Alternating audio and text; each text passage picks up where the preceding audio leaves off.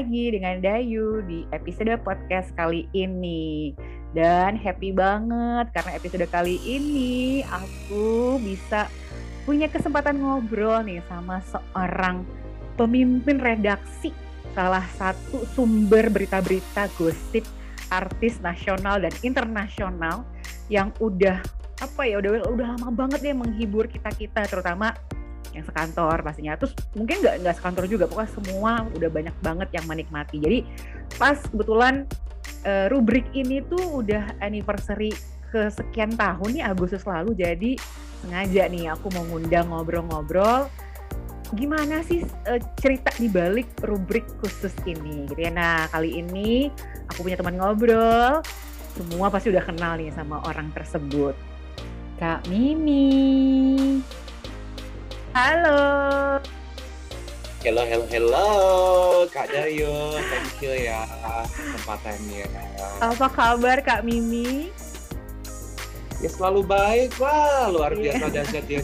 Yes. Oh, salamnya kayak kayak aktivitas sehari-hari banget ya Kak Mimi ya. Nah, soalnya acara aku nggak punya salam-salam khusus kan, jadi itu kebawa. Oke oke, jadi Kak Mimi, thank you sudah mau ngobrol-ngobrol juga gitu, udah mau aku ajak ngobrol di podcast ya. Jadi walaupun kita teman sekantor Kak Mimi, Uh, tapi kita lupakan dulu ya aktivitas kantor kita. Jadi kita mau ngobrolin uh, di luar itu karena aku percaya walaupun kita sudah bertahun-tahun bekerja bareng di tempat kita saat ini, aku percaya ternyata ada yang lebih dari yang kelihatan gitu loh. Kan kata-katanya tuh sering banget kita dengerin there are more than meets the eye. Nah kali ini Kak Mimi dan para pendengar podcast, aku tuh pengen gali dari sisi yang tadi aku sebut bahwa kamu kan punya rubrik yang namanya yes. gosip bareng Mimi. Dan itu uh, tiap dua minggu emang aku tunggu-tunggu. Aku aku salah satu penikmatnya. Aku salah satu penikmatnya. Dan Agustus kemarin kamu bilang ini anniversary ke 8 tahun. Nah ini aku pengen gali Kak Mimi. Tapi sebelum itu uh, aku pengen tahu dulu kabar kamu. Jadi gimana nih setahun udah setahun lebih menuju apa ya udah setahun lebih menuju dua tahun pandemi? Ada yang berubah? Kehidupan sen ya nggak nggak terbang-terbang lagi nih kak. Nggak ke mall-mall lagi apa masih tetap biasa-biasa aja gimana? Kalau terbang-terbang jelas enggak sih kak. Tapi kalau ke mall seminggu sekali masih tapi kan sekarang uh, udah mulai terbuka ya mallnya ppkm-nya juga levelnya udah mulai berkurang jadi aku setiap minggu pasti ke mall kok tentunya dengan prokes yang cukup ketat karena hmm. kalau nggak ke mall aku nggak bahagia kak Dayu kalau aku nggak ke mall ke mall nggak bahagia ujung-ujungnya inspirasi untuk membuat GBM nggak keluar karena hmm. GBM itu muncul pas aku lagi nongkrong ngopi-ngopi terus tiba-tiba dapat satu berita aku ketik dan seterusnya iya, iya. seperti yeah, yeah. itu dan aku aku sejujurnya ya Kak Mimi merasa bersyukur salah satu yang tidak berubah adalah GBM kamu tetap ada walaupun ada pandemi gitu ya tadinya aku pikir tuh tadinya aku pikir gitu ya karena apa Kak yang kena corona yang kena corona itu CEO GBM-nya. Kalau berita-berita GBM-nya mah nggak kena COVID karena aku pikir gitu kan, karena memang uh, jangan-jangan pas pandemi gitu ya, terus uh, apa ya gosip-gosip jadinya membawa kita jadi gimana. Tapi aku bersyukur banget GBM tuh tetap ada menghibur kami-kami semua. Jadi itu juga pengen aku gali sih kami ini ya. Uh, apa yang membuat kamu tuh dari awal Nanti ceritain ya kami ini ya. Apa sih awalnya tuh yang membuat kamu ya bikin si GBM ini? Kan ini 8 tahun ya kami ini ya. Itu tuh gimana awalnya? Uh, mul apa muncullah ide itu panjangannya kan kalau nggak salah gosip bareng Mimi gitu ya. Itu tuh awal mulanya gimana sih kami ini ceritain dong? Mulanya tuh dulu uh, sekitar itu kan aku mulai bikin GBM tuh Agustus 2013 jadi tahun 2013 itu adalah tahun serba transisi. Dari mulai aku pakai 2012 akhir aku masih pakai BlackBerry, ya kan? Kemudian 2013 awal aku inget tuh ganti ganti pakai iPhone, iPhone 5 which is kalau buat ngetik-ngetik lebih gampang lah di notes, ya kan? Kemudian ketertarikanku dari kecil memang di dunia tulis menulis Kak Dayu. Hmm. Dari dari kecil aku tuh suka menulis bahkan dulu pas SD aku sempat juara membuat sinopsis se Oh. sejawa Timur. Juara satu terus menulis apalah jadi aku emang dari kecil tuh suka menulis pelajaran bahasa Indonesia pelajaran bahasa Inggris. Itu nilaiku selalu uh, di atas rata-rata gitu loh. Nah terus tahun balik lagi ya 2012 ke bawah tuh kan dulu era Twitter Twitter itu kan cuma 140 karakter seingatku Mm, tapi mm, aku mm, waktu itu udah suka nulis gitu loh. Aku su- sudah suka uh, julit-julitin artis juga artis. uh, nulis-nulis uh, review film tapi singkat-singkat. Karena kan pendek banget tuh kolomnya ya kan? Dulu juga seingatku di Facebook waktu itu ada Facebook tapi uh, kolom untuk bikin statusnya tuh juga ada karakternya dibatesin ya kan? Begitu tahun 2013 itu era Twitter di Indonesia udah agak-agak udah agak-agak uh, apa namanya kesingkir sama namanya dulu ada uh, sosmed namanya pet. Nah pet itu kan kan Kak Dayu kan? Yang temennya limitnya cuma 150 terus naik jadi 500 nah di situ kita bisa nulis panjang lebar. Mhm. Nah, kemudian uh, aku tuh kan termasuk tipikal orang yang suka menyenangkan uh, temen-temen yang ada di sosmedku gitu loh, entah itu dengan celotehan yang ada di status, kemudian uh, kalau dulu Kak Dayu ingat aku suka posting-posting cover majalah, kemudian Gadis ya. uh, selebriti- uh, selebritis-selebritis zaman dulu tuh aku posting, tapi nggak ada beritanya, paling cuma dikasih caption, uh, Brad Pitt ganteng ya gitu misalnya. iya, Terus iya, lama-lama aku kayak ngeliat berita-berita gitu, aku tulis-tulis gitu loh dengan lagi-lagi aku terinfluence dari majalah gadis. Itu terinfluence banget dari majalah gadis. Makanya kalau Kak Dayu perhatiin GBM itu kan kadang-kadang seolah-olah artis itu ngobrol sama aku. Misalnya. Kendall Jenner. Iya nih Kak Mim, aku eh, aku barusan datang di acara Grammy Award kayak seolah-olah artis itu ngobrol sama aku gitu loh, sama Mimi. Itu aku belajar dari gadis, karena gadis itu ketika dulu ada rubrik namanya Top Pop, terus gadis itu ada rubrik namanya Miss Gaul. Di rubrik itu tuh artisnya juga seolah-olah ngobrol, iya nih Dis, aku selama di Jakarta tuh happy banget Dis. Nah itu, jadi kalau sama gadis, Dis, kalau sama Mimi, iya Mim, itu loh. Jadi aku terinfluence sama gadis itu awalnya tahun 2013. Nah sejak saat itu orang-orang yang like banyak waktu itu di pet Mhm. like banyak. Beritanya cuma 10 kemudian minggu berikut. Pokoknya setiap minggu dulu setiap minggu kak. Kalau sekarang kan dua mingguan. Dulu tuh setiap minggu. Oh Itu- iya ya. Mm-mm, 2013 sampai 2014 setahun. Setahun itu set- setiap minggu every week.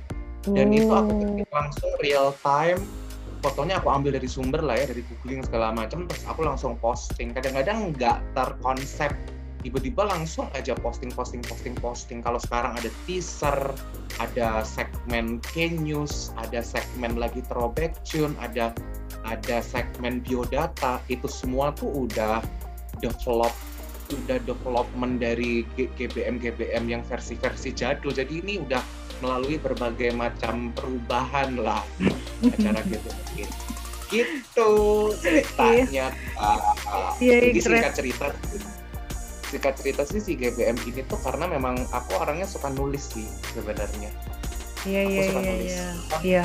dan aku ngikutnya di, di notes jadi GBM sejak tahun 2013 sampai sekarang tuh di notesku masih ada yang jumlahnya udah sekitar 3 ribuan lah notes itu Oh termasuk ya review ampun. film Ya ampun, Gitu, berarti itu kamu emang hobi banget ya nulis ya sampai emang aku suka Bisa nulis.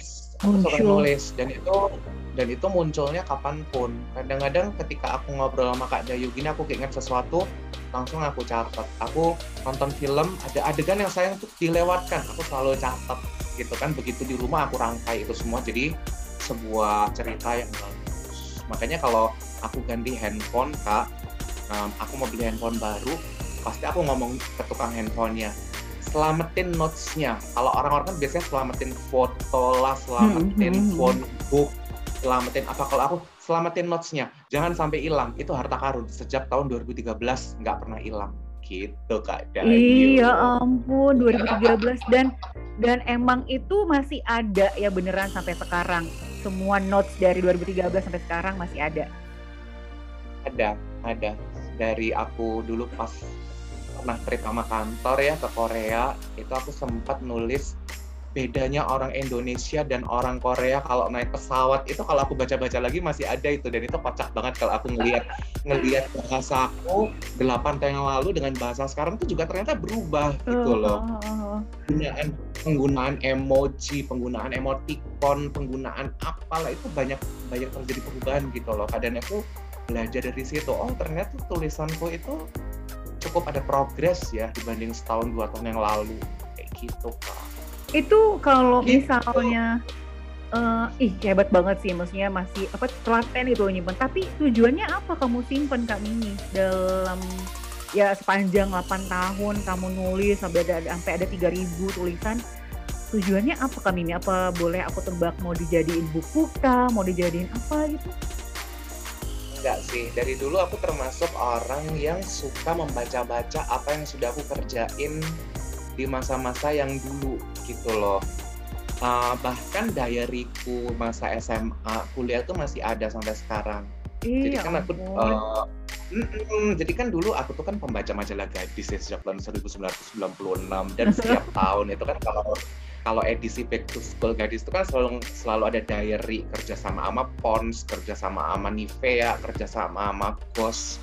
Itu aku selalu kumpulin dan aku selalu ngisi semuanya kejadian tanggal 8 Agustus, 9 Agustus aku ngapain itu sampai sekarang masih ada. Jadi aku suka baca-baca ternyata 8 Agustus pas tahun 2000 tuh aku kayak gini ya. Itu aku suka baca-baca itu. Masih aku suka baca-baca ulang sampai sekarang. Dan itu kayak apa ya? Uh, kesenangan tersendiri sih membaca-baca masa lalu. Akhirnya keuntungan dari situ banyak orang bilang, wih daya ingatmu kuat banget ya. Padahal daya ingatku kuat tuh karena kamu baca lagi. Oleh baca-baca seperti hmm. itu makanya habit itu kebawa ketika sekarang udah ke era digital semuanya dipindahin ke notes handphone dan aku nggak mau itu semua hilang kelebihannya hmm. lagi adalah ketika ketika bikin acara GBM gitu kan misalnya mau mau nulis tentang Megan Fox.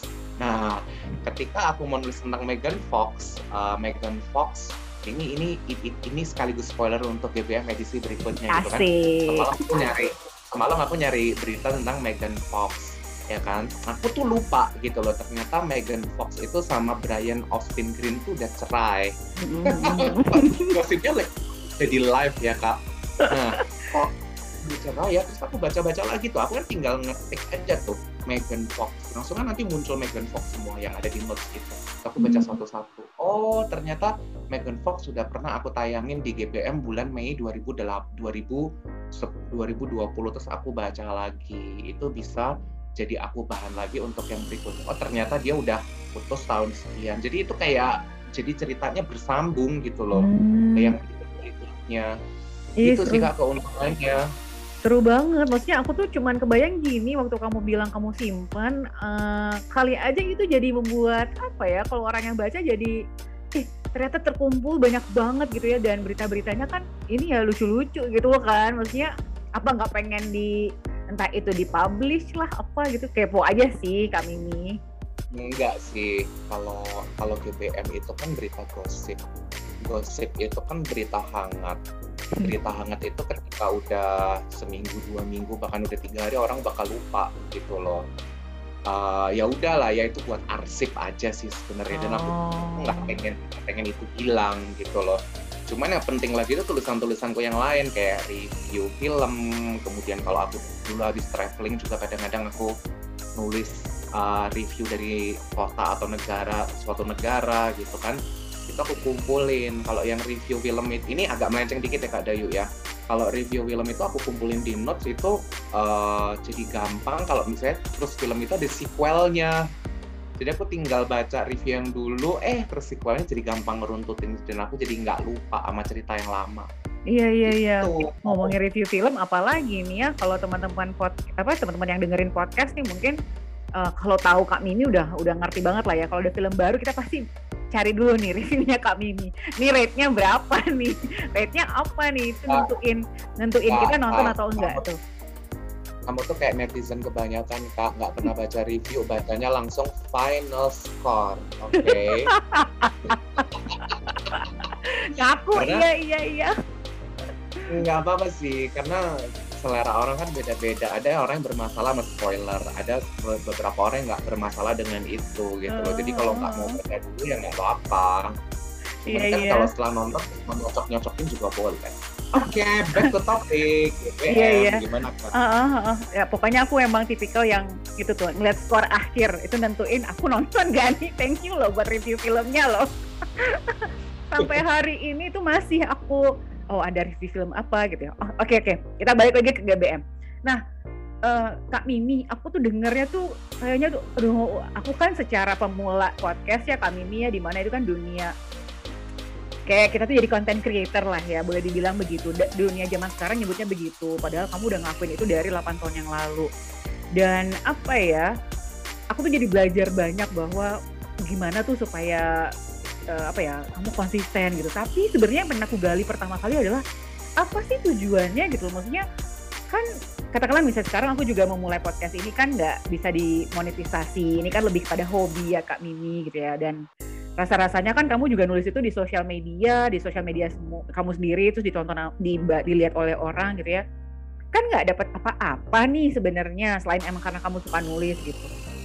Eh, kamu punya ini nggak sih punya ada yang kamu tuju nggak sih dengan kamu bikin GBM itu sebenarnya aku tuh pengen gini gitu loh ada tujuannya nggak sih atau kamu dapat apa dengan kamu tulisin terus kamu sebar atau kamu posting di sosial media kamu Oke.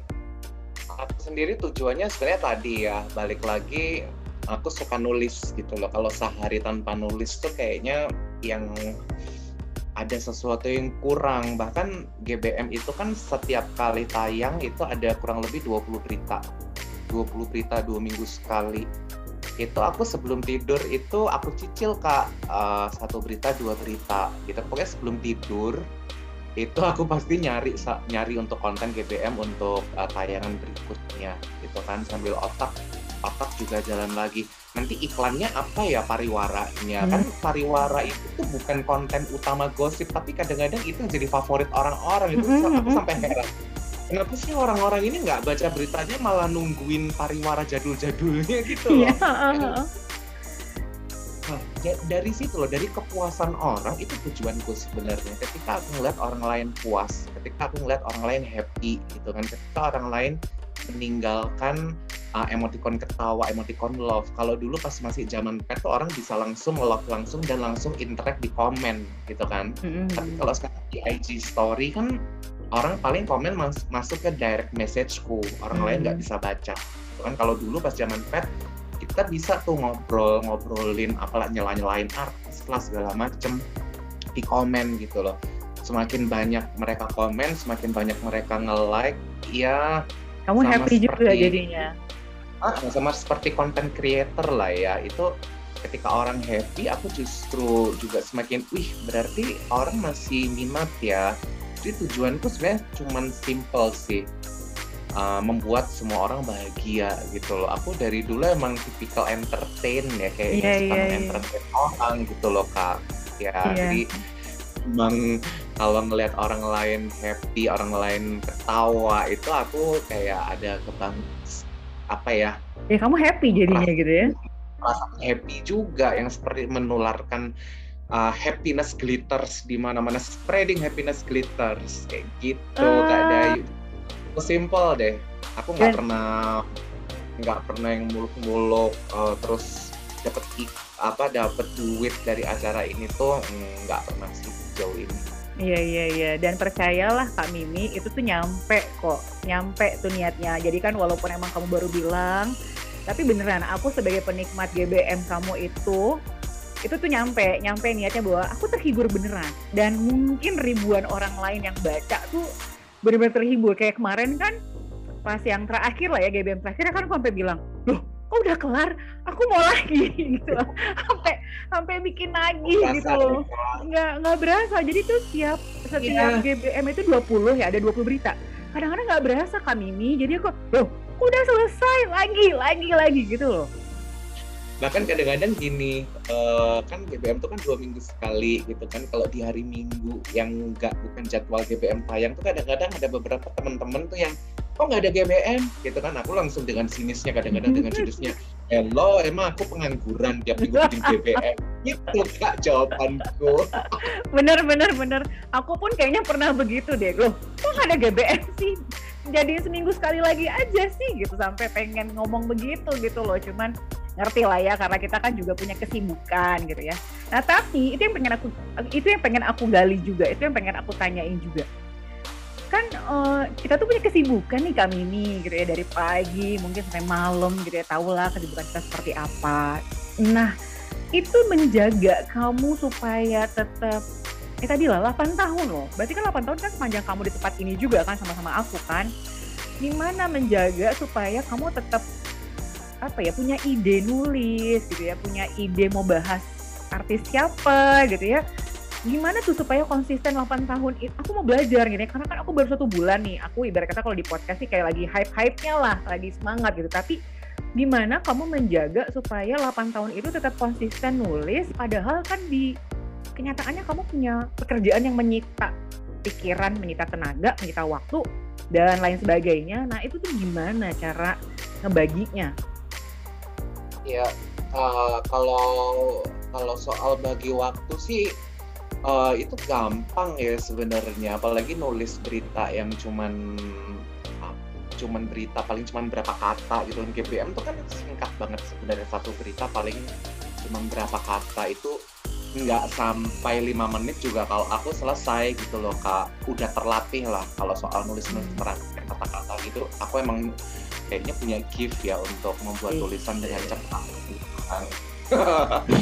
uh, terus kadang-kadang malam uh, malam sebelum tidur gitu aku suka buka-buka situs-situs gosip gitu kan yang internasional. Kan sejauh ini kan GBM nggak pernah nggak pernah nayak menayangkan yang lokal ya kayak ya. Selalu yang internasional. Jadi nggak pernah lokal selalu yang internasional. Iklannya lokal makanya GBM hmm. itu sekarang tagline-nya gosip internasional dengan cita rasa lokal. Ah, gitu, I see, kan. I see. Ya. Okay, okay. Paling kalau yang lokal-lokal itu aku pilihin yang benar-benar yang benar-benar lagi hype ya. Contoh dulu si siapa kan misalnya Om Rai tapi dia pernah mau main di Captain Amerika atau apa aku lupa.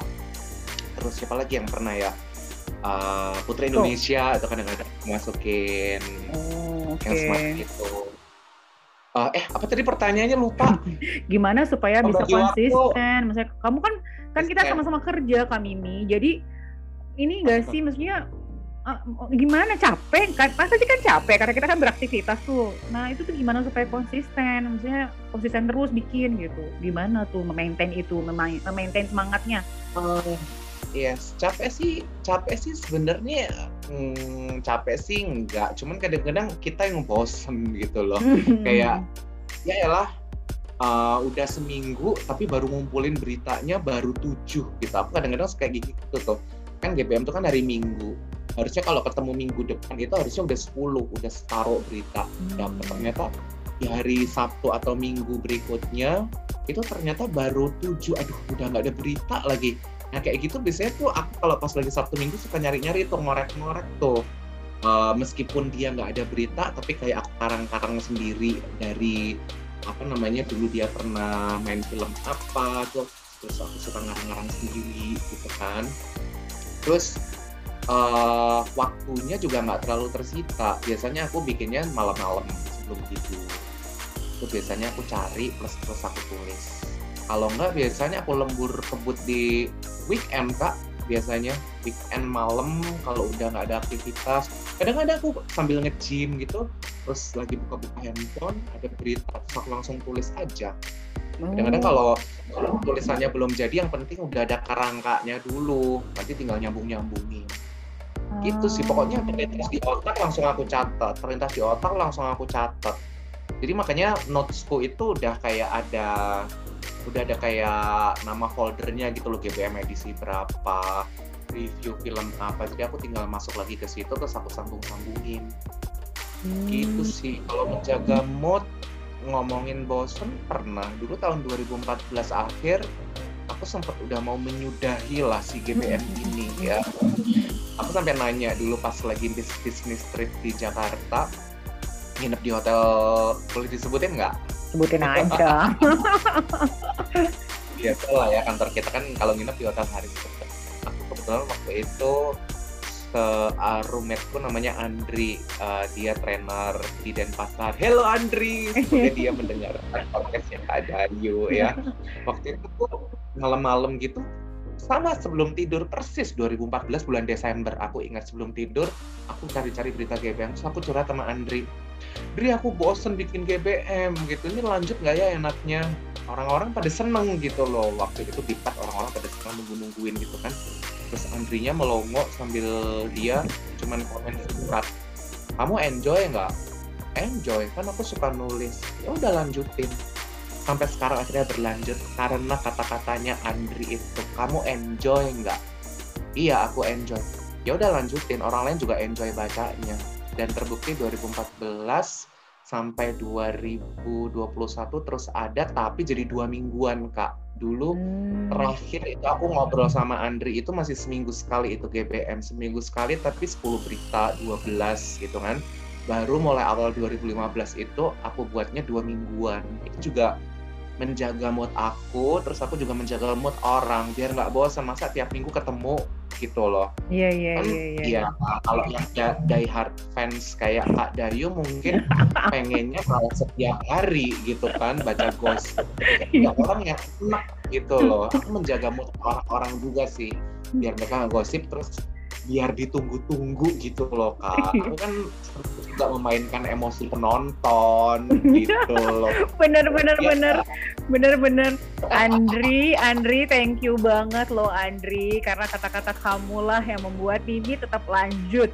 Coba kalau misalnya dulu ngikutin uh, Mimi ngomongnya bosen nih aku kalau nggak lanjut wah banyak banget orang yang patah hati ya karena ternyata ya mana lagi nih GBM-nya nih versi apa episode terbaru. Jadi Andri thank you sudah membuat Mimi tetap lanjut. Terutama aku terus, die hardnya ya.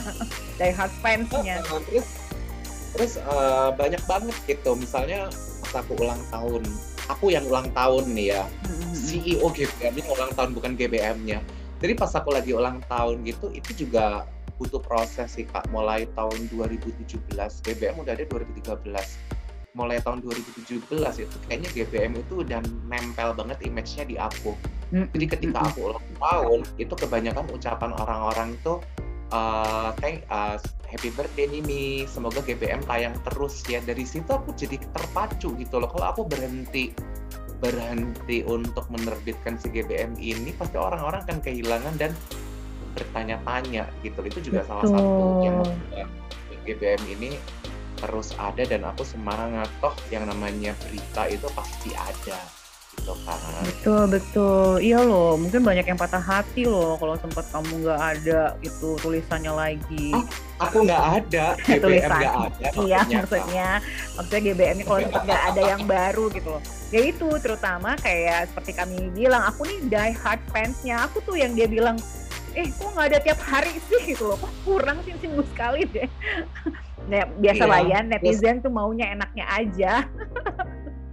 Terus dulu tuh kan juga sering tuh uh, eh, GBM tuh ngadain kayak survei-survei gitu.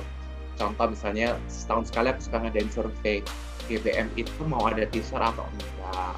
Terus apa namanya GBM itu beritanya 10 berita atau 20 berita kayak survei-survei kepuasan pelanggan ala-ala gitu lah. Dulu yeah. sering ada gitu. Terus tiba-tiba tuh ada satu satu followersku uh, dia anak anak uh, anak gadis sampul gitulah ya. Itu dia tinggal di luar negeri di London. Dia tinggal di London sampai menjawab survei itu di tisu. Ketika lagi makan terus dia foto Kak Mimi ini ya buat GBM jadi dia ternyata baca loh dari dari London. Dia hmm. nggak ngebaca i online dia nggak ngebaca apa US Weekly tapi dia bacanya GBM dan itu membuat aku ih ternyata GBM tuh uh, dibaca orang ya sampai ditunggu-tunggu. Terus uh, ada lagi tuh temenku sekarang lagi di Amsterdam atau di mana ya itu juga nungguin banget GBM terus pas ulang tahunku kemarin yang 2021 ini tiba-tiba ada followersku yang di Kuala Lumpur juga juga ngomong Hai Mimi, happy birthday. I'm your uh, I'm GBM fans from Malaysia. Ngomong gitu Kak. Mm. Jadi udah mulai ke internasional lah ya Kak Dayu.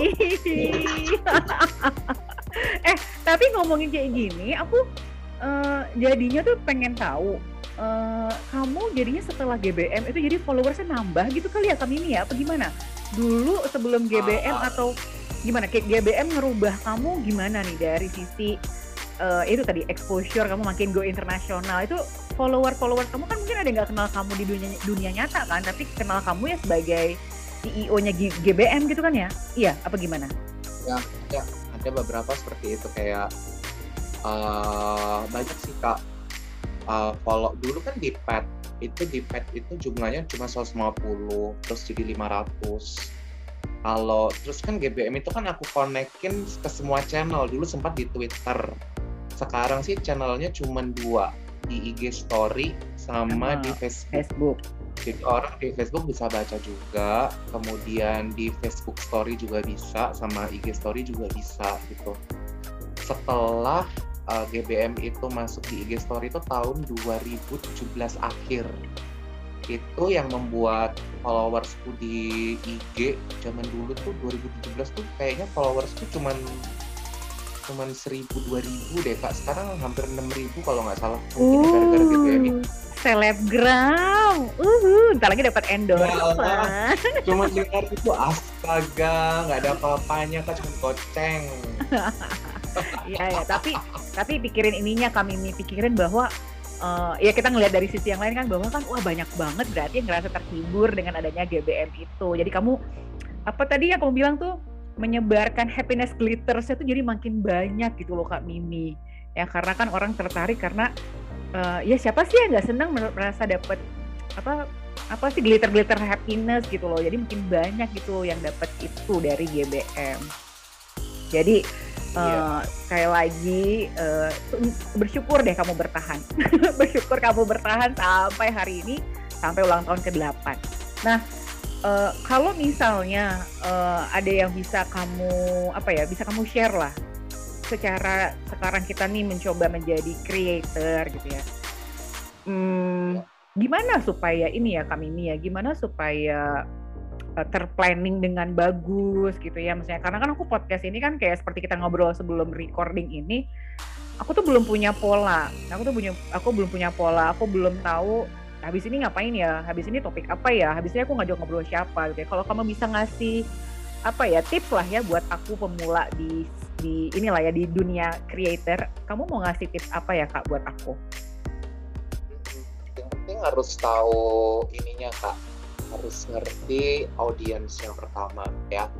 Kalau di GPM itu kan audiensnya ya mau nggak mau kebanyakan orang yang seumuran sama kita sama kita ya kan? Tahu dong 90s kids generasi MTV gitu kan. Makanya kalau Kak Bayu perhatiin uh, apa selebritis-selebritis yang masuk GBM itu ya angkatannya Keanu Reeves, Brad Pitt, Tom Cruise dan sebagainya yang generasi-generasi baru juga ada kayak Charlie D'Amelio lah, Kylie Jenner lah itu semua tuntutan pasar hmm. karena uh, banyak pembaca-pembaca GBM itu juga dari generasi-generasi yang di bawah dua level di bawah kita which is itu masih muda banget juga banyak yang seperti itu hmm. yang kalau aku tanyakan kalau akhir-akhir GBM itu kan pasti ada survei lagi kan. Hmm. uh, siapa apa nih gosip favoritmu uh, gitu? uh, uh, uh jawaban yang baru-baru itu selebritis-selebritis yang masih baru-baru gitu loh yang udah lama-lama mereka nggak ngelirik gitu. jadi aku selalu selipkan tuh yang baru-baru.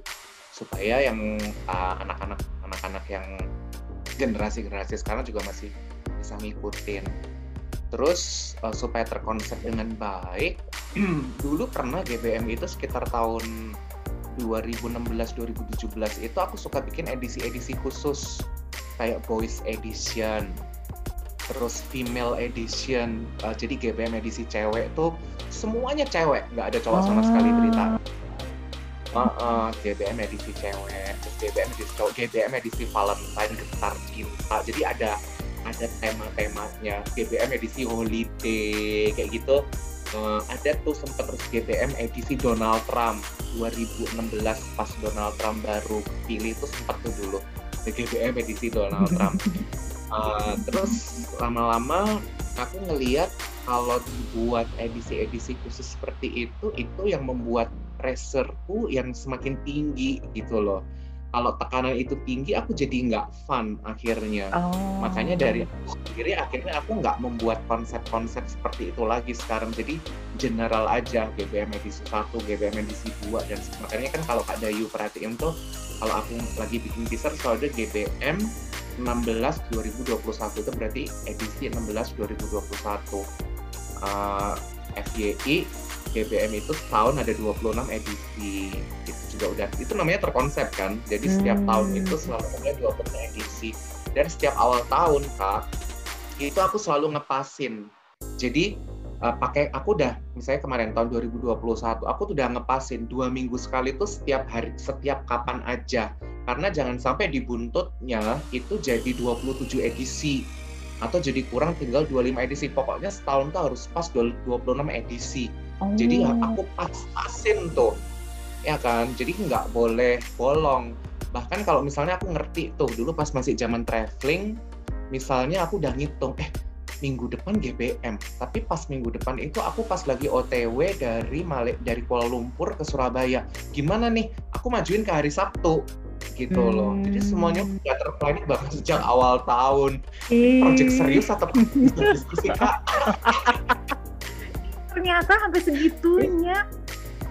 Hmm, terus kalau apa namanya kalau yang aku sekarang lebih mengkonsep kayak segmen uh, lagu-lagu jadul tuh. Di GBM tuh kan ada segmen uh, judulnya Throwback Tune itu tuh lagu-lagu lama lah yang udah minimal 10 tahun yang lalu gitu kan. Itu sudah aku konsep jadi minggu ini siapa lawan siapa? Karena kan kayak kemarin tuh misalnya hmm, yang kemarin siapa ya kak aku ah, bukan ya? Bukan ya? Eh, bukan bukan yang kemarin aku lupa. Itu selalu aku pairing pairingin untuk apa namanya untuk polling. Mm -hmm. ini yang menang yang mana meskipun kadang-kadang aku suka curang-curang dikit sih. Kalau yang menang A sukanya yang B tetap aku putar yang B kak. Jadi buat apa kamu buka polling jadi ketahuan ya pen, pembaca GBM ternyata CEO kita suka begitu. Jadi percuma kita polling Enggak kok, itu cuma cuma sekali. dua kali. Selebihnya selebihnya aku legowo karena ya buat apa ya aku bikin polling kalau akhirnya aku cuma menyenangkan diri sendiri kan itu udah nggak sesuai sama visinya GBM yang spreading happiness glitter. Iya iya iya iya. Masuk sekali. Eh oke okay lah oke. Okay. Jadi emang harus di konsep sih yang seperti itu harus di konsep terus ngelihat ngelihat pasar karena kadang-kadang mereka juga suka ngasih-ngasih masukan tuh apalagi pas baru-baru ada rubrik Korea gitu kan eh Pak Mimi aku mau ini dong aku mau itu dong itu bagus sih apalagi aku nggak ngerti aku tuh buta Korea sama sekali jadi kalau kalian ngebaca ada berita Korea itu berarti thank you uh, buat kontributor-kontributor Genius khususnya ada teman aku di Surabaya namanya Iren Ngelo. thank you. Iren Ngelo itu dari bulan Agustus 2020 sampai bulan Juli kemarin dia masih suka ngasih-ngasih berita. Jadi cuma ngasih nama doang. Aku cari-cari sendiri cerita oh. Eh tapi K-News akan tetap ada kan? Ada tapi cuman paling maksimal satu berita aja. aku salah satu penikmat awal tahun ini awal tahun ini kayaknya mau lebih general sih. Aku mau rubah namanya jadi Asia Invasion. Jadi nggak cuma selebritis dari Korea doang. Kan sekarang kan Dracin drama Cina kan juga lagi hits tuh teman-teman juga pada minta eh ini bagus loh ini bagus uh, cowok-cowok Thailand juga ganteng-ganteng loh kenapa sih cuman Korea doang kenapa terus aku mikir kenapa nggak namanya jadi Asia Invasion ya tapi sampai sekarang aku masih belum mikirin konsepnya seperti apa sih daripada garing. Oh juga ada gitu kak. Kalau kan kalau konsep aku aku rasa itu menurutku garing pasti menurut orang lain juga garing. Kalau udah kayak gitu aku biasanya eliminate dulu nggak aku eksekusi. Tapi nanti 2022 itu rencananya.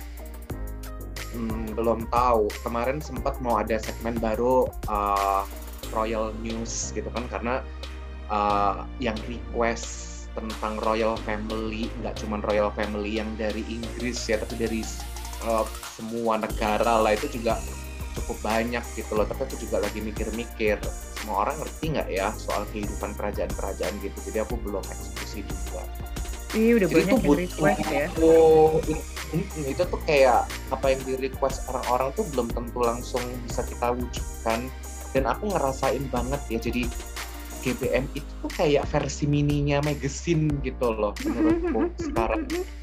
karena magazine itu kalau aku dapat sharing dari teman-teman yang dulu redaktur majalah gitu ya ketika majalah itu terbit hari ini itu mereka tuh udah mikirin edisi 2 sampai 3 edisi ke depan mau mengulas tentang Hmm. apa kalau aku pikir-pikir di aku sendiri begitu GBM udah tayang nih di, di hari H otakku tuh udah di GBM edisi depan. Jadi aku Hmm. tinggal copy paste yang udah aku tulis tapi otakku tuh udah minggu depan apa ya? Minggu depan lagunya apa ya? Minggu depan pari dua minggu lagi pariwaranya apa ya? Jadi udah one step ahead gitu loh jadi aku mikir kayak gini ya deadline redaktur majalah-majalah itu ternyata di uber-uber berita gitu. Kalau kamu di Uber-Uber ini ya, di Uber-Uber fans ya, di Uber-Uber netizen ya. Ya ampun, iya loh, bener-bener bener. mungkin mungkin gini kayak mungkin teman-teman tuh juga eh, ngerasa kayak kayak lagu-lagu gitu kan kadang-kadang aku suka ngomel-ngomel sendiri kalian kok pilih lagu A sih kan aku pengennya lagu B yang diputer gitu kan terus ada tuh beberapa teman-teman follower tuh yang ngomong gini udahlah kak kamu milih kamu puter lagu yang mana aja juga aku suka kok. Udahlah suka-suka kamu aja gitu loh. Jadi eh, jadi mereka tuh tuntutannya juga nggak banyak sebenarnya. Kadang-kadang itu tuntutan tuh dari diri kita sendiri idealisme kita sendiri sebagai yang bikin konsep itu loh kak. Kadang-kadang di situ Ih, so Tuh, sweet maksudnya- banget followersnya Kak Mimi. so sweet, ngertian banget gitu loh. Iya bener-bener. Jadi biasa dari diri sendiri tuh ya muncul eh, ininya ya idealismenya gitu. Eh tapi aku jadi belajar banget loh bahwa habis tayang eh, episode ini atau ya eh, edisi ini berarti langsung mikir gitu ya ke depannya. Bahkan kamu udah setahun tuh udah kamu plan bahwa akan ada 26 episode gitu ya 26 edisi gitu ya. Bener-bener kayak magazine lah ya bener-bener kayak majalah banget ya. Terus kalau pernah mentok nggak sih? Pernah mentok sampai aduh bener-bener nggak sampai nggak maksudnya sampai kayak berarti udah ketemu tembok gitu ya. Pernah nggak sih kayak gitu sampai yang mentok? Terus gimana tuh setelah itu? Gimana supaya muncul lagi? Pernah nggak sih? Terus gimana kalau emang sampai kejadian lagi? Eh, kalau mentok sih pasti ada ya. Kayak tadi tuh aku sudah sempat cerita Eh, satu minggu harusnya aku udah punya 10 berita untuk aku aku masukin ke next edition gitu kan. Ternyata sampai weekend misalnya contoh week sampai weekend ini ternyata aku baru ketemu 5 kok nggak ada berita lagi ya? Kok nggak ada selebritis yang cerai lagi? Ya kok nggak ada selebritis yang melahirkan lagi? Ya kok nggak ada selebritis yang premier movie ya kayak gitu biasanya aku suka scroll scroll aja tuh kayak uh, IG IG-nya US Weekly atau mungkin apa namanya e online terus ketemu tuh muka lama misalnya siapa Patrick Dempsey gitu Patrick Dempsey ya kan? Heeh, heeh. si Grace Anatomy gitu loh. Eh ini kayaknya lama nih nggak tayang. Terus aku langsung search Wikipedia-nya tentang Patrick Dempsey gitu kan. Terus aku langsung tulis aja uh, uh, kak ih lama ya nggak ngomongin Patrick gitu. Nemu deh berita satu. Jadi selalu ada lah yang seperti itu kak. Nggak sampai mentok-mentok banget. Cuman sekarang yang kadang-kadang bikin mentok itu rubrik up, up plus and personal yang biodata biodata itu loh. Dulu Hmm. rubrik biodata itu juga nggak ada di GBM GBM fase awal-awal tuh nggak ada rubrik rubrik biodata itu Uh, rubrik bio- biodata itu baru muncul tahun 2017 which is itu empat tahun setelah GBM lahir. Itu orang-orang jadi happy gitu loh ngebaca biodata terus makanan kesukaan juga kesukaan alkohol gitu. Ternyata mereka happy gitu loh ya kan? Orang yang receh-receh gitu tuh orang-orang ketawa ternyata. Jadinya terus aku munculin kan Chris Evans juga. Terus siapa lagi Eh, Charlize Theron udah kadang-kadang tuh suka bingung siapa lagi yang layak dimasukin ke A plus and personal. Sementara aku punya idealisme A plus and personal itu harus selalu A A A list di A listnya Hollywood gitu loh. Nggak boleh yang Hmm. ecek-ecek ke segmen A plus and personal itu. Terus kayak kemarin tuh aku bingung siapa ya ini. Ada dua pilihan yang edisi kemarin. Pertama aku mau masukin Kit Harington.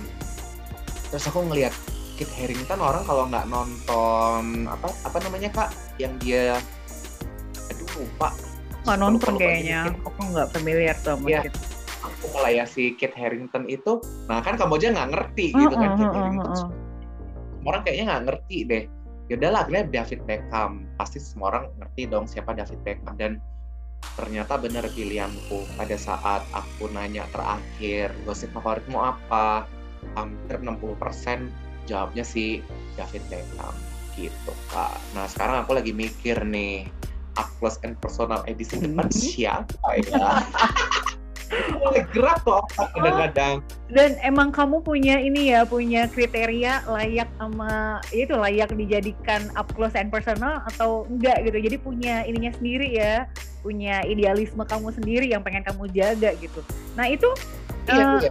kayak kayak kayak berita-berita yang aku tayang, yang aku masukin ke GBM itu kan banyak banget gitu selebritis berita setiap hari itu pasti ada gitu. Coba deh Kak Dayu uh, buka website atau apalah yang gosip-gosip itu pasti selalu ada tiap hari. Cuman kan nggak semua orang enjoy kalau itu aku masukin ke GBM jadi benar-benar seleksi itu dari aku sendiri kak. Kalau aku mood aku tulis. Kalau enggak ya aku tinggalin. Benar benar gitu. Benar so far memang nggak tahu deh memang eh bener deh kamu tuh udah kayak kalau karena aku suka Devil Wears Prada gitu ya kan si Meryl Streep jadi editor in chiefnya kan. Jadi itu kamu udah jadi CEO-nya terus kamu editor juga milih mana yang layak sama nggak layak tayang gitu kan.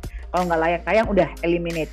Dan so far pasti rasanya happy deh karena aku aku enjoy maksudnya pilihannya tuh uh, jadi membuat aku lebih tahu gosip internasional gitu ya dan jadi ini gitu loh jadi oh gitu kayak apa ya cocok lah yang kamu bilang bahwa uh, layak gitu loh layak diberitain gitu loh gitu ya. Nah tapi uh, kita apa? punya standar jadinya kak itu juga aku belajar dari majalah gadis. Hmm. itu juga aku belajar dari majalah gadis gitu loh. Uh, majalah gadis itu nggak sembarangan mengangkat selebritis baik itu di di cover ataupun berita di dalamnya gitu kan uh, contoh zaman dulu ya pas zaman zaman ini nggak apa-apa lah ya ngomongin hal-hal kayak gitu ya jadi zaman dulu tuh uh, pada saat di Indonesia ini rame Akademi Fantasi sama Indonesian Idol gitu kan. Iya.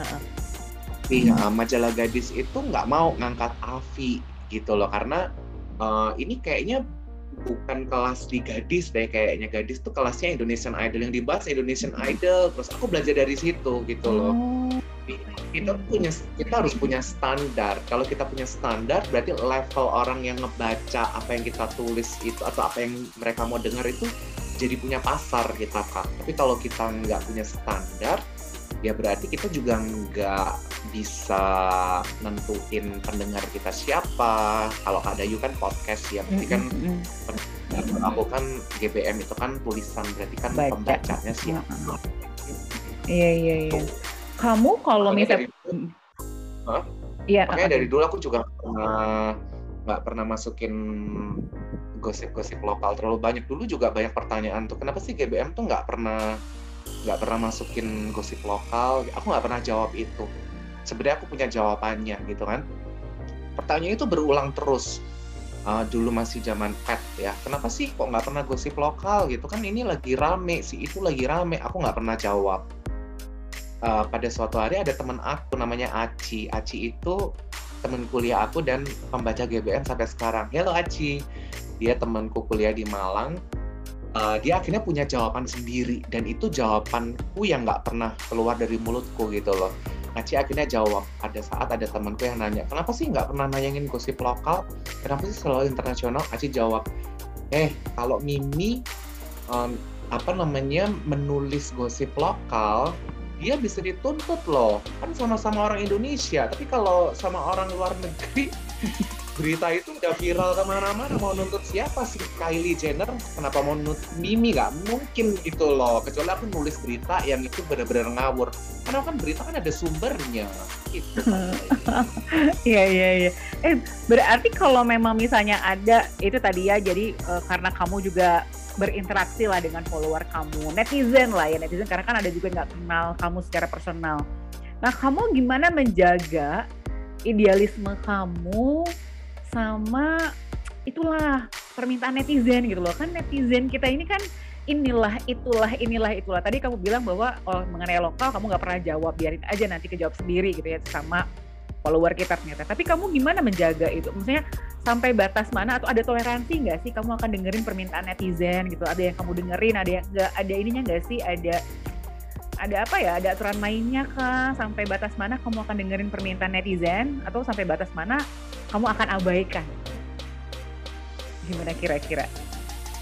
Uh, netizen kita kan yang... gitu banget. Aku deh aku. Contoh misalnya si K-News itu aku dari dulu emang nggak klik sorry ya buat uh, hmm. uh, Korean Korean lovers ya. Aku dari dulu nggak klik sama segala sesuatu yang berbau Korea gitu kan Kak Dayu. Tapi ketika orang-orang euforia BTS kemudian euforia uh, Hyun Bin, kemudian euforia siapalah inilah itulah. Aku jadi ngerasa GBN ini tuh udah komersial, komersial. Aku udah lagi nggak jangan ideal idealisme doang gitu loh karena pasar butuh itu gitu loh hmm. akhirnya. Jadi aku kayak mengenyampingkan sisi idealismeku sekitar 30% akhirnya 30% itu aku isi dengan sisi material. Yang eh sorry komersial kok material. Sisi yang komersial itu. Termasuk yang uh, kayak Hyun Bin, Opa siapalah, hmm. Uni siapalah. Sampai aku kadang-kadang nggak ngerti gitu loh. Dulu dulu aku sempat uh, ngomong apa ya? Uni Mimi atau apa gitu. Terus ada ada salah satu followers atau netizen yang bilang kak uni itu kalau cewek sama cewek kalau cewek sama cowok tuh ini oh ternyata beda ya. Itu tuh jadi kayak uh, knowledge baru gitu loh buat aku. Ternyata beda ya penyebutannya. Aju malah aju sih aku akhirnya ngerti. Karena karena mau nggak mau ketika aku nulis tentang Korean news aku selalu menuliskan hal-hal seperti itu. Itu aku dengerin. Kalau yang nggak aku dengerin apa ya eh, rata-rata sih aku dengerin kok kak. Kalau yang nggak aku dengerin tuh kadang-kadang ya biasalah yang anak-anak ngarang-ngarang gitu. Contoh misalnya uh, gosip gosip mana yang kamu sukai terus ada yang jawab Nikola Saputra gitu. Orang aku nggak nulis tentang Nikola Saputra dia jawab Nikola Saputra. Itu kode sih kak supaya aku nulis Nikola Saputra yeah, tapi yeah, sorry yeah. ya. Iya iya iya.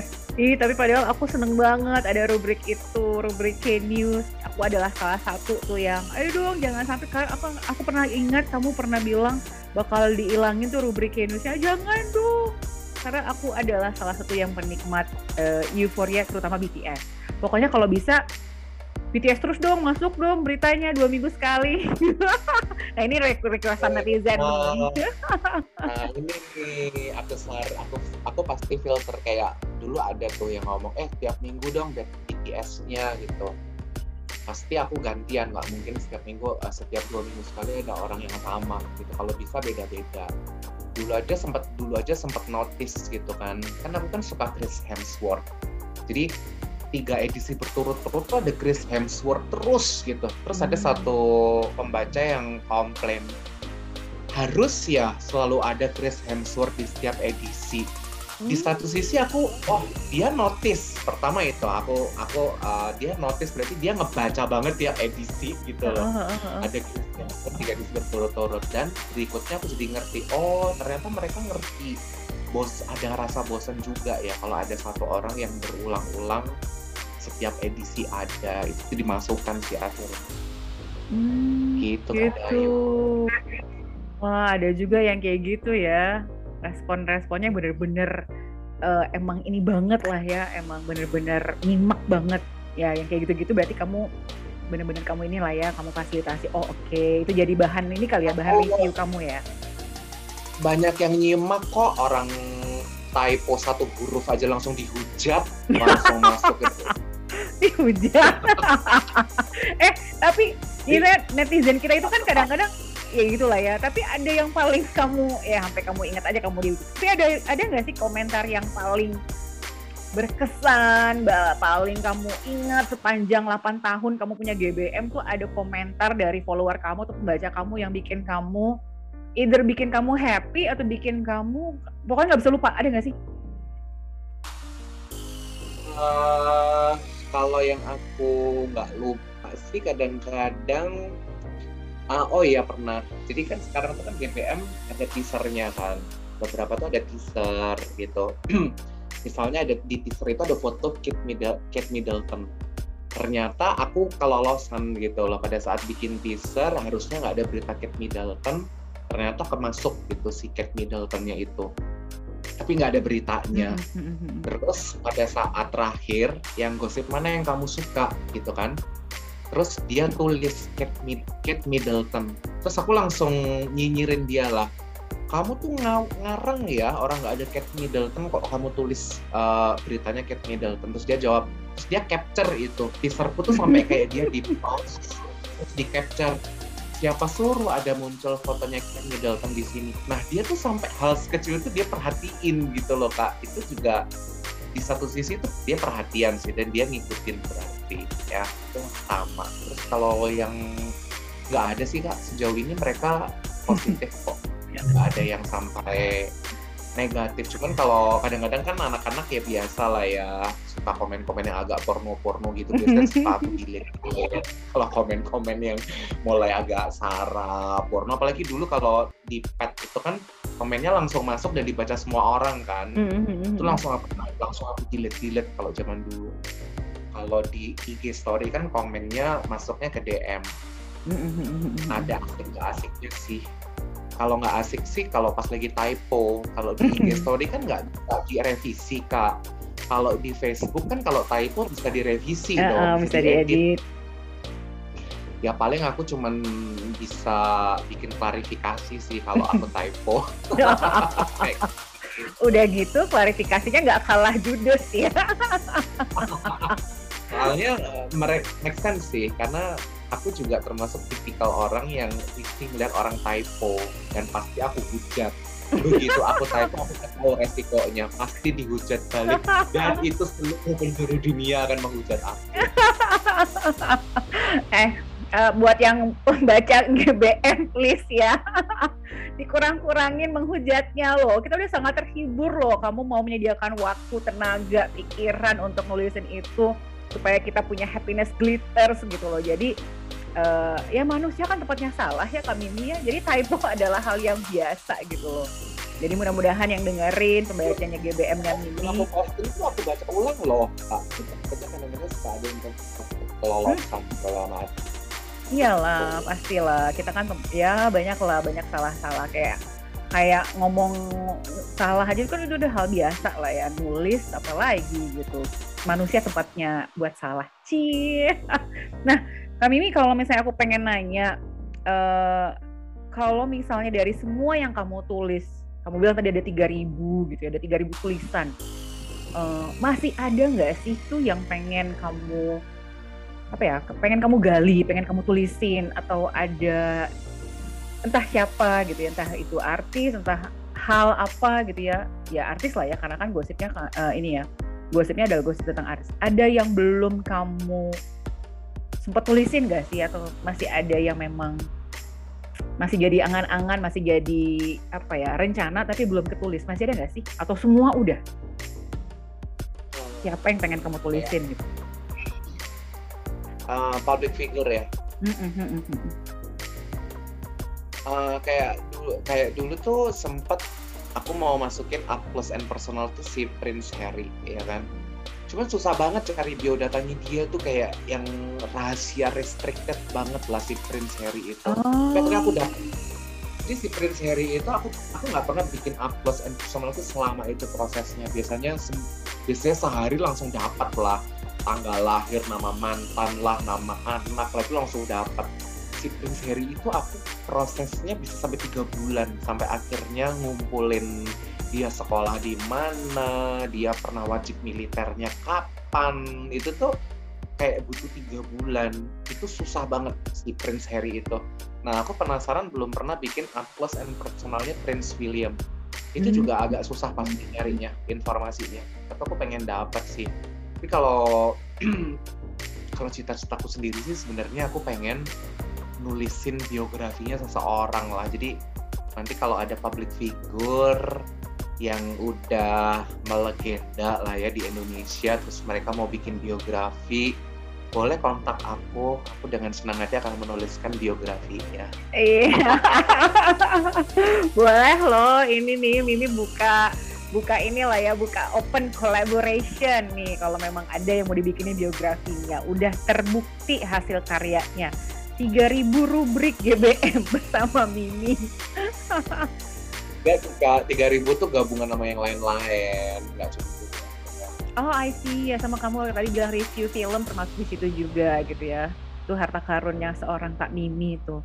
Kak Mimi uh, satu hal juga nih pengen aku gali sebelum aku uh, ini ya kita ngebahas dua pertanyaan terakhir ya. Kan uh, kamu tuh sering nyebutin uh, Mama Rengganis gitu ya. Terus pokoknya ya entah siapa-siapa tapi si Mama Rengganis itu kan selalu ada. Itu tuh sengaja kamu bikin sosoknya itu ny nyata atau gak ada sih? Kami ini mungkin ini pembaca GBS pasti kepo deh. Pasti kepo. Ini tuh ada nggak sih sosoknya? Terus mama kenapa namanya mama Rengganis gitu loh itu sebenarnya kok uh, si tokoh si makhluk astral itu ya aku nyebutnya ya. Pokoknya kamu tiap episode beda-beda manggilnya. Pokoknya mama Rengganis aja. Itu 2016 sih muncul sosok itu. Jadi, jadi kan kak kak Dayu kan tahu kan Mimi itu kan sebenarnya panggilan dari Miranda kan jadi kalau namaku sendiri kan kak kak Dayu tahu lah siapa. Hmm. tapi panggilan itu kan dari dulu berubah-berubah. Aku dulu teman-teman kuliahku manggil aku Cherry. Uh, uh, uh, uh, uh. terus zaman zaman Twitter itu aku dipanggil Tyra Tyra Banks. Hmm. karena aku menganggap diri itu Tyra Banks yang aku dulu suka America's Next Top Model kan. Begitu tahun 2013 zaman pet itu aku suka Miranda Kerr. Suka banget sama Miranda Kerr nggak ngerti lah cantik banget gitu dan aku manggil dia Mimi. Dan Mimi itu adalah aku gitu loh. Aku adalah Mimi dan Mimi itu adalah aku. Makanya namanya gosip bareng Mimi. Dan kalau hmm. Kak Dayu perhatiin teaser GBM itu covernya pasti foto Miranda Kerr itu. Semoga Miranda Kerr nggak tahu kalau aku masih foto dia. Ya kan?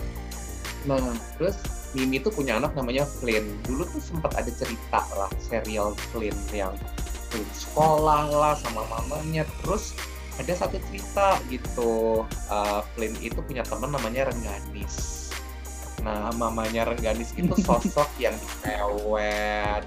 Terus pokoknya sosok yang hatinya tuh busuk banget. Pokoknya jahat lah sih Mama Rengganis itu. Nah, Rengganis itu sendiri sebenarnya adalah nama dari uh, temennya. Siapa ya ngomongnya temennya anak sendiri di kantor kak. Itu aku sering denger di kantor ya kalau kalau dia ngomong ya nih Rengganis itu loh. Aku mikir Rengganis itu namanya bagus ya gitu kan. Jadiin jadiin inspirasi aja nama tokoh di situ.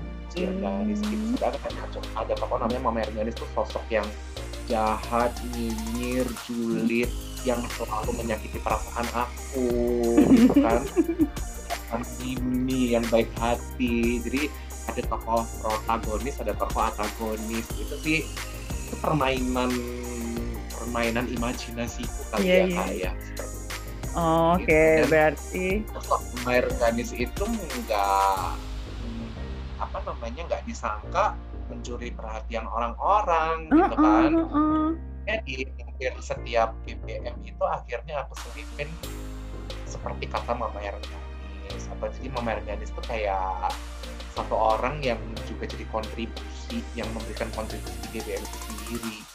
Gitu kak. Dahlia yeah. tiba-tiba jeburan ombak lah tiba-tiba muncul dari reruntuhan tembok Berlin lah gitu kan. Biasanya munculnya.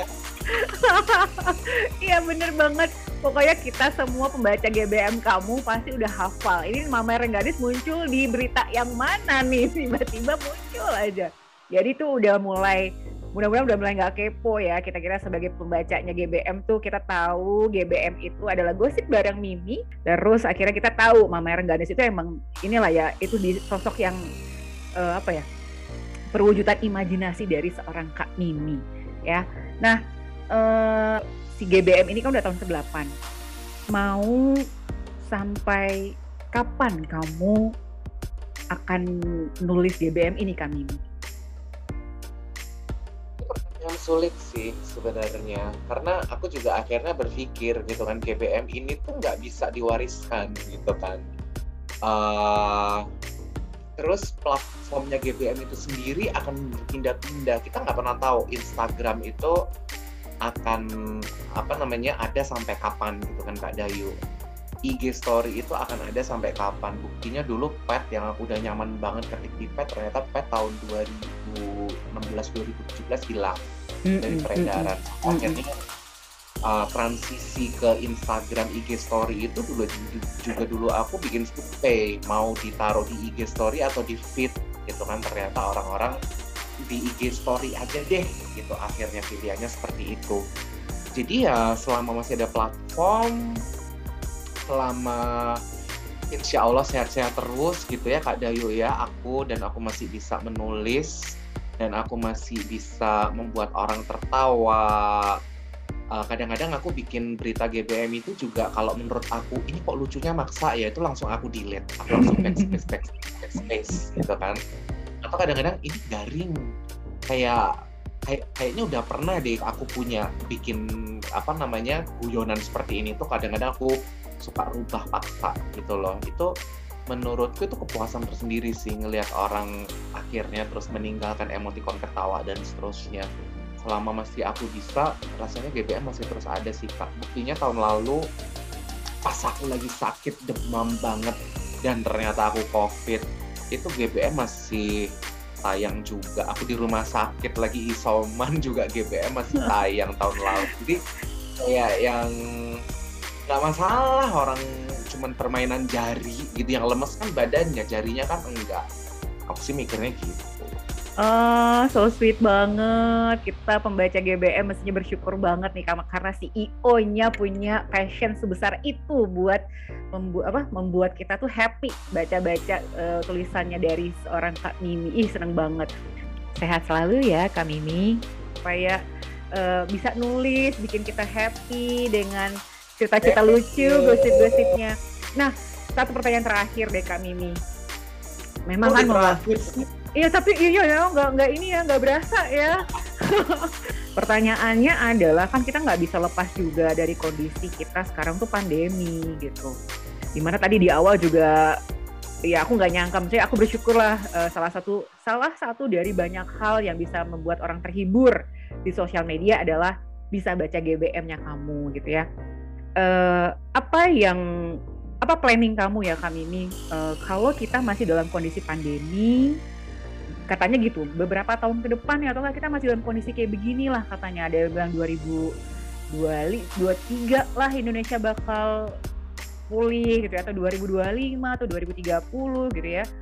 Uh, apa ya yang bisa kamu kasih gitu tipsnya atau pesan-pesannya. Kalau kita masih dalam kondisi pandemi kita nggak bisa bebas ke mana-mana nggak bisa traveling. Tapi sebagai kamu nih yang punya rubrik GBM salah satu yang membuat kita terhibur apa yang bisa kamu share ya buat ke kita kita yang dengerin deh?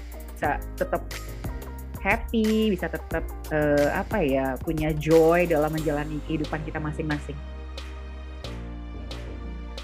penting harus tetap adaptif sih dengan segala sesuatu yang akan berjalan di kemudian hari yang kita nggak pernah tahu ya kan?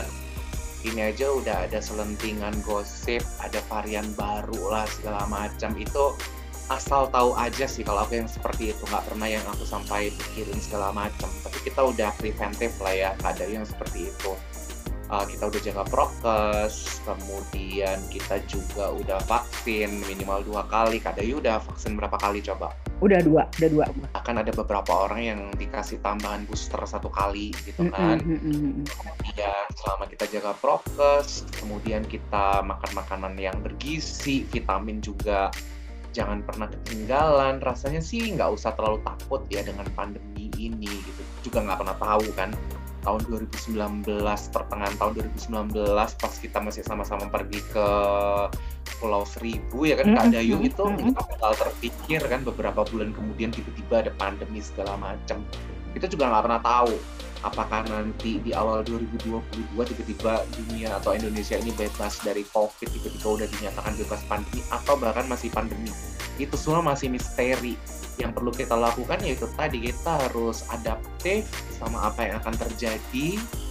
Pikiran harus tetap terbuka, kemudian jangan sampai uh, kehilangan update-update sesuatu karena itu penting lah ya untuk kita lakukan dan yang penting stay healthy dan tetap harus positif itu aja sih kak salah satunya uh, salah satunya oh. baca berita-berita GBM ya karena itu menghibur banget ya uh, meskipun bentar lagi kita mau RTO ditentu ah, kenapa sih kamu sebut-sebut itu?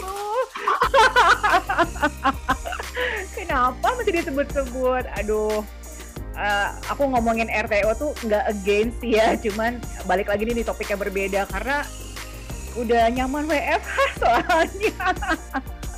Susah kayak untuk melihat harus RTO lagi. Udah lah itu tetap. Itu bisa diangkat Kak Dayu di topik yang lain sih Kak soal who against WFH, who against RTO, bla bla bla itu bisa jadi ide sih. Iya iya benar benar benar. Bener-bener ya karena aku salah satu sebenarnya aku nggak against cuman maksudnya why? Why we should have to go back gitu loh? Kan kita udah back-back aja dengan WFH ya udah ya itu nanti topik uh, topik yang berbeda. Satu lagi nih satu lagi kalau misalnya katakanlah pandemi ini udah mulai agak cooling down agak mulai membaik kita sudah bisa traveling nih. Kamu kan suka traveling tuh dulu. Pokoknya kamu sempetin lah kayaknya mungkin ke mana gitu ya ke luar negeri atau ke mana. Pertama kali kalau memang misalnya sudah boleh terbang bebas misalnya sudah boleh trip sudah boleh trip bebas kamu pengen ke mana? Kuala Lumpur. Ah kenapa? Ya I left I left my heart in KL gitu. Meskipun orang bilang KL itu kan sama kayak Jakarta gitu kan. Menurut aku sih Kuala Lumpur tuh tetap beda lah ya. Sejak tahun 2011 pertama kali aku ke KL itu bulan Maret 2011 sampai dengan sebelum pandemi itu setahun itu ada kali enam kali aku ke hmm. KL setahun enam kali ke KL entah itu yang cuman kangen makanannya kangen mallnya. Sebenarnya aku kalau pergi ke KL ya sama seperti daily activity-ku di Surabaya gitu loh pagi bangun tidur nge-gym terus ngapain ngapain itu sama nonton film bikin GBM malam-malam itu sama gitu. Tapi apa ya kayak ada sesuatu yang beda lah di sana yang menurut aku uh, enak banget ya kalau ke KL dan jujur hampir dua tahun ini aku ada sempat kehilangan. Tapi selain Kuala Lumpur yang lain-lain uh, aku dari dulu punya wishlist itu ke New York. Itu belum sempet kesampaian. Dulu tahun 2017 hampir sih mau berangkat sekitar bulan Mei. Cuman batal lah ya karena satu dan lain hal. Makanya pas tahun lalu bulan Oktober tiba-tiba salah satu teman kita Mbak Ido pergi ke New York nggak ngomong-ngomong. Itu dia langsung aku labrak. Kamu kayaknya aja loh. Itu salah satu wishlist gue sih. Tapi kalau yang reguler itu paling Kuala Lumpur sama Bangkok aku juga kangen sih ke Bangkok Oke, ikut dong kalau ke New York. Aku juga pengen. Oke, iya, semoga semoga keadaan Indonesia, dunia juga makin membaik ya, kami Mia supaya apa ya uh, nafsu-nafsu tripnya tuh mulai bisa ter ini ya tersalurkan ya buat semuanya lah bukan buat kamu aja tapi buat semuanya dan nggak iya. berasa durasi kita tuh udah aduh nggak berasa banget asli. Kayaknya terhibur banget ngobrol sama CEO-nya GBM nih hari ini. Thank dan uh, apa ya? Apa? Hormat banget aku diajak podcast ini. Uh, uh, aku first timer podcastan Kak Dayu. Jadi thanks ya udah kasih kesempatan aku podcast pertama dalam sejarah hidupku dari aku sejak lahir sampai sekarang. Ternyata begini rasanya main podcast Meskipun belum tayang ya. ya uh, uh, uh, nanti kalau udah tayang, nanti pasti aku akan kasih tahu lah. Nanti bisa didengerin di mana aja. Jadi podcast ini so far emang udah di, di multi platform. Kami ini di Spotify ada, di Apple Podcast ada. Tinggal searching aja Happy Life Coaching. Karena memang aku memposisikannya aku adalah seorang coach. Jadi proses apa ya happy life itu memang proses daily. Jadi harus kita yang cari Dan dengan ngobrol ini Kak Mimi, aku tuh ngerasa happy. Dengan semua yang aku ajak ngobrol seperti halnya sekarang, itu bikin aku happy. Dan mudah-mudahan sih harapan aku yang mendengarkan juga ke cipratan gitu happy-nya, dapat uh, vibes yang oke, okay, dapat vibes yang apa ya, bikin kita tuh jadinya ikutan seneng gitu. Jadi seneng banget Kak Mimi malam ini uh, bisa ngobrol-ngobrol, gak berasa banget. Rasanya pengen dilanjutin terus, cuman mungkin kita bikin sesi yang berbeda ya karena karena kamu kan duta RTO nah nanti kita bahas deh persiapan RTO nah untuk yang episode untuk episode kali ini aku say thank you banget sudah ter, sudah bersedia terbuka mengenai apa tuh di balik GBM ya gosip bareng Mimi. Dan aku sebagai pembaca setiamu akan menunggu terus ya dua minggu sekali Eh, episode-episode baru uh, dan berharap tetap ini ya kamu tetap bisa jadi kamu yang sekarang bisa apa adanya ya nulis yang apa adanya yang kadang-kadang juga ngarang-ngarang tapi bikin kita ketawa-ketawa gitu ya lu jadi tetaplah jadi kamu yang sekarang. Semoga itu membuat uh, membuat kamu juga happy karena membuat orang lain juga happy Ya, thank you ya Kak Mimi ya. Kita ketemu lagi di ya. See you. See you. Thank you.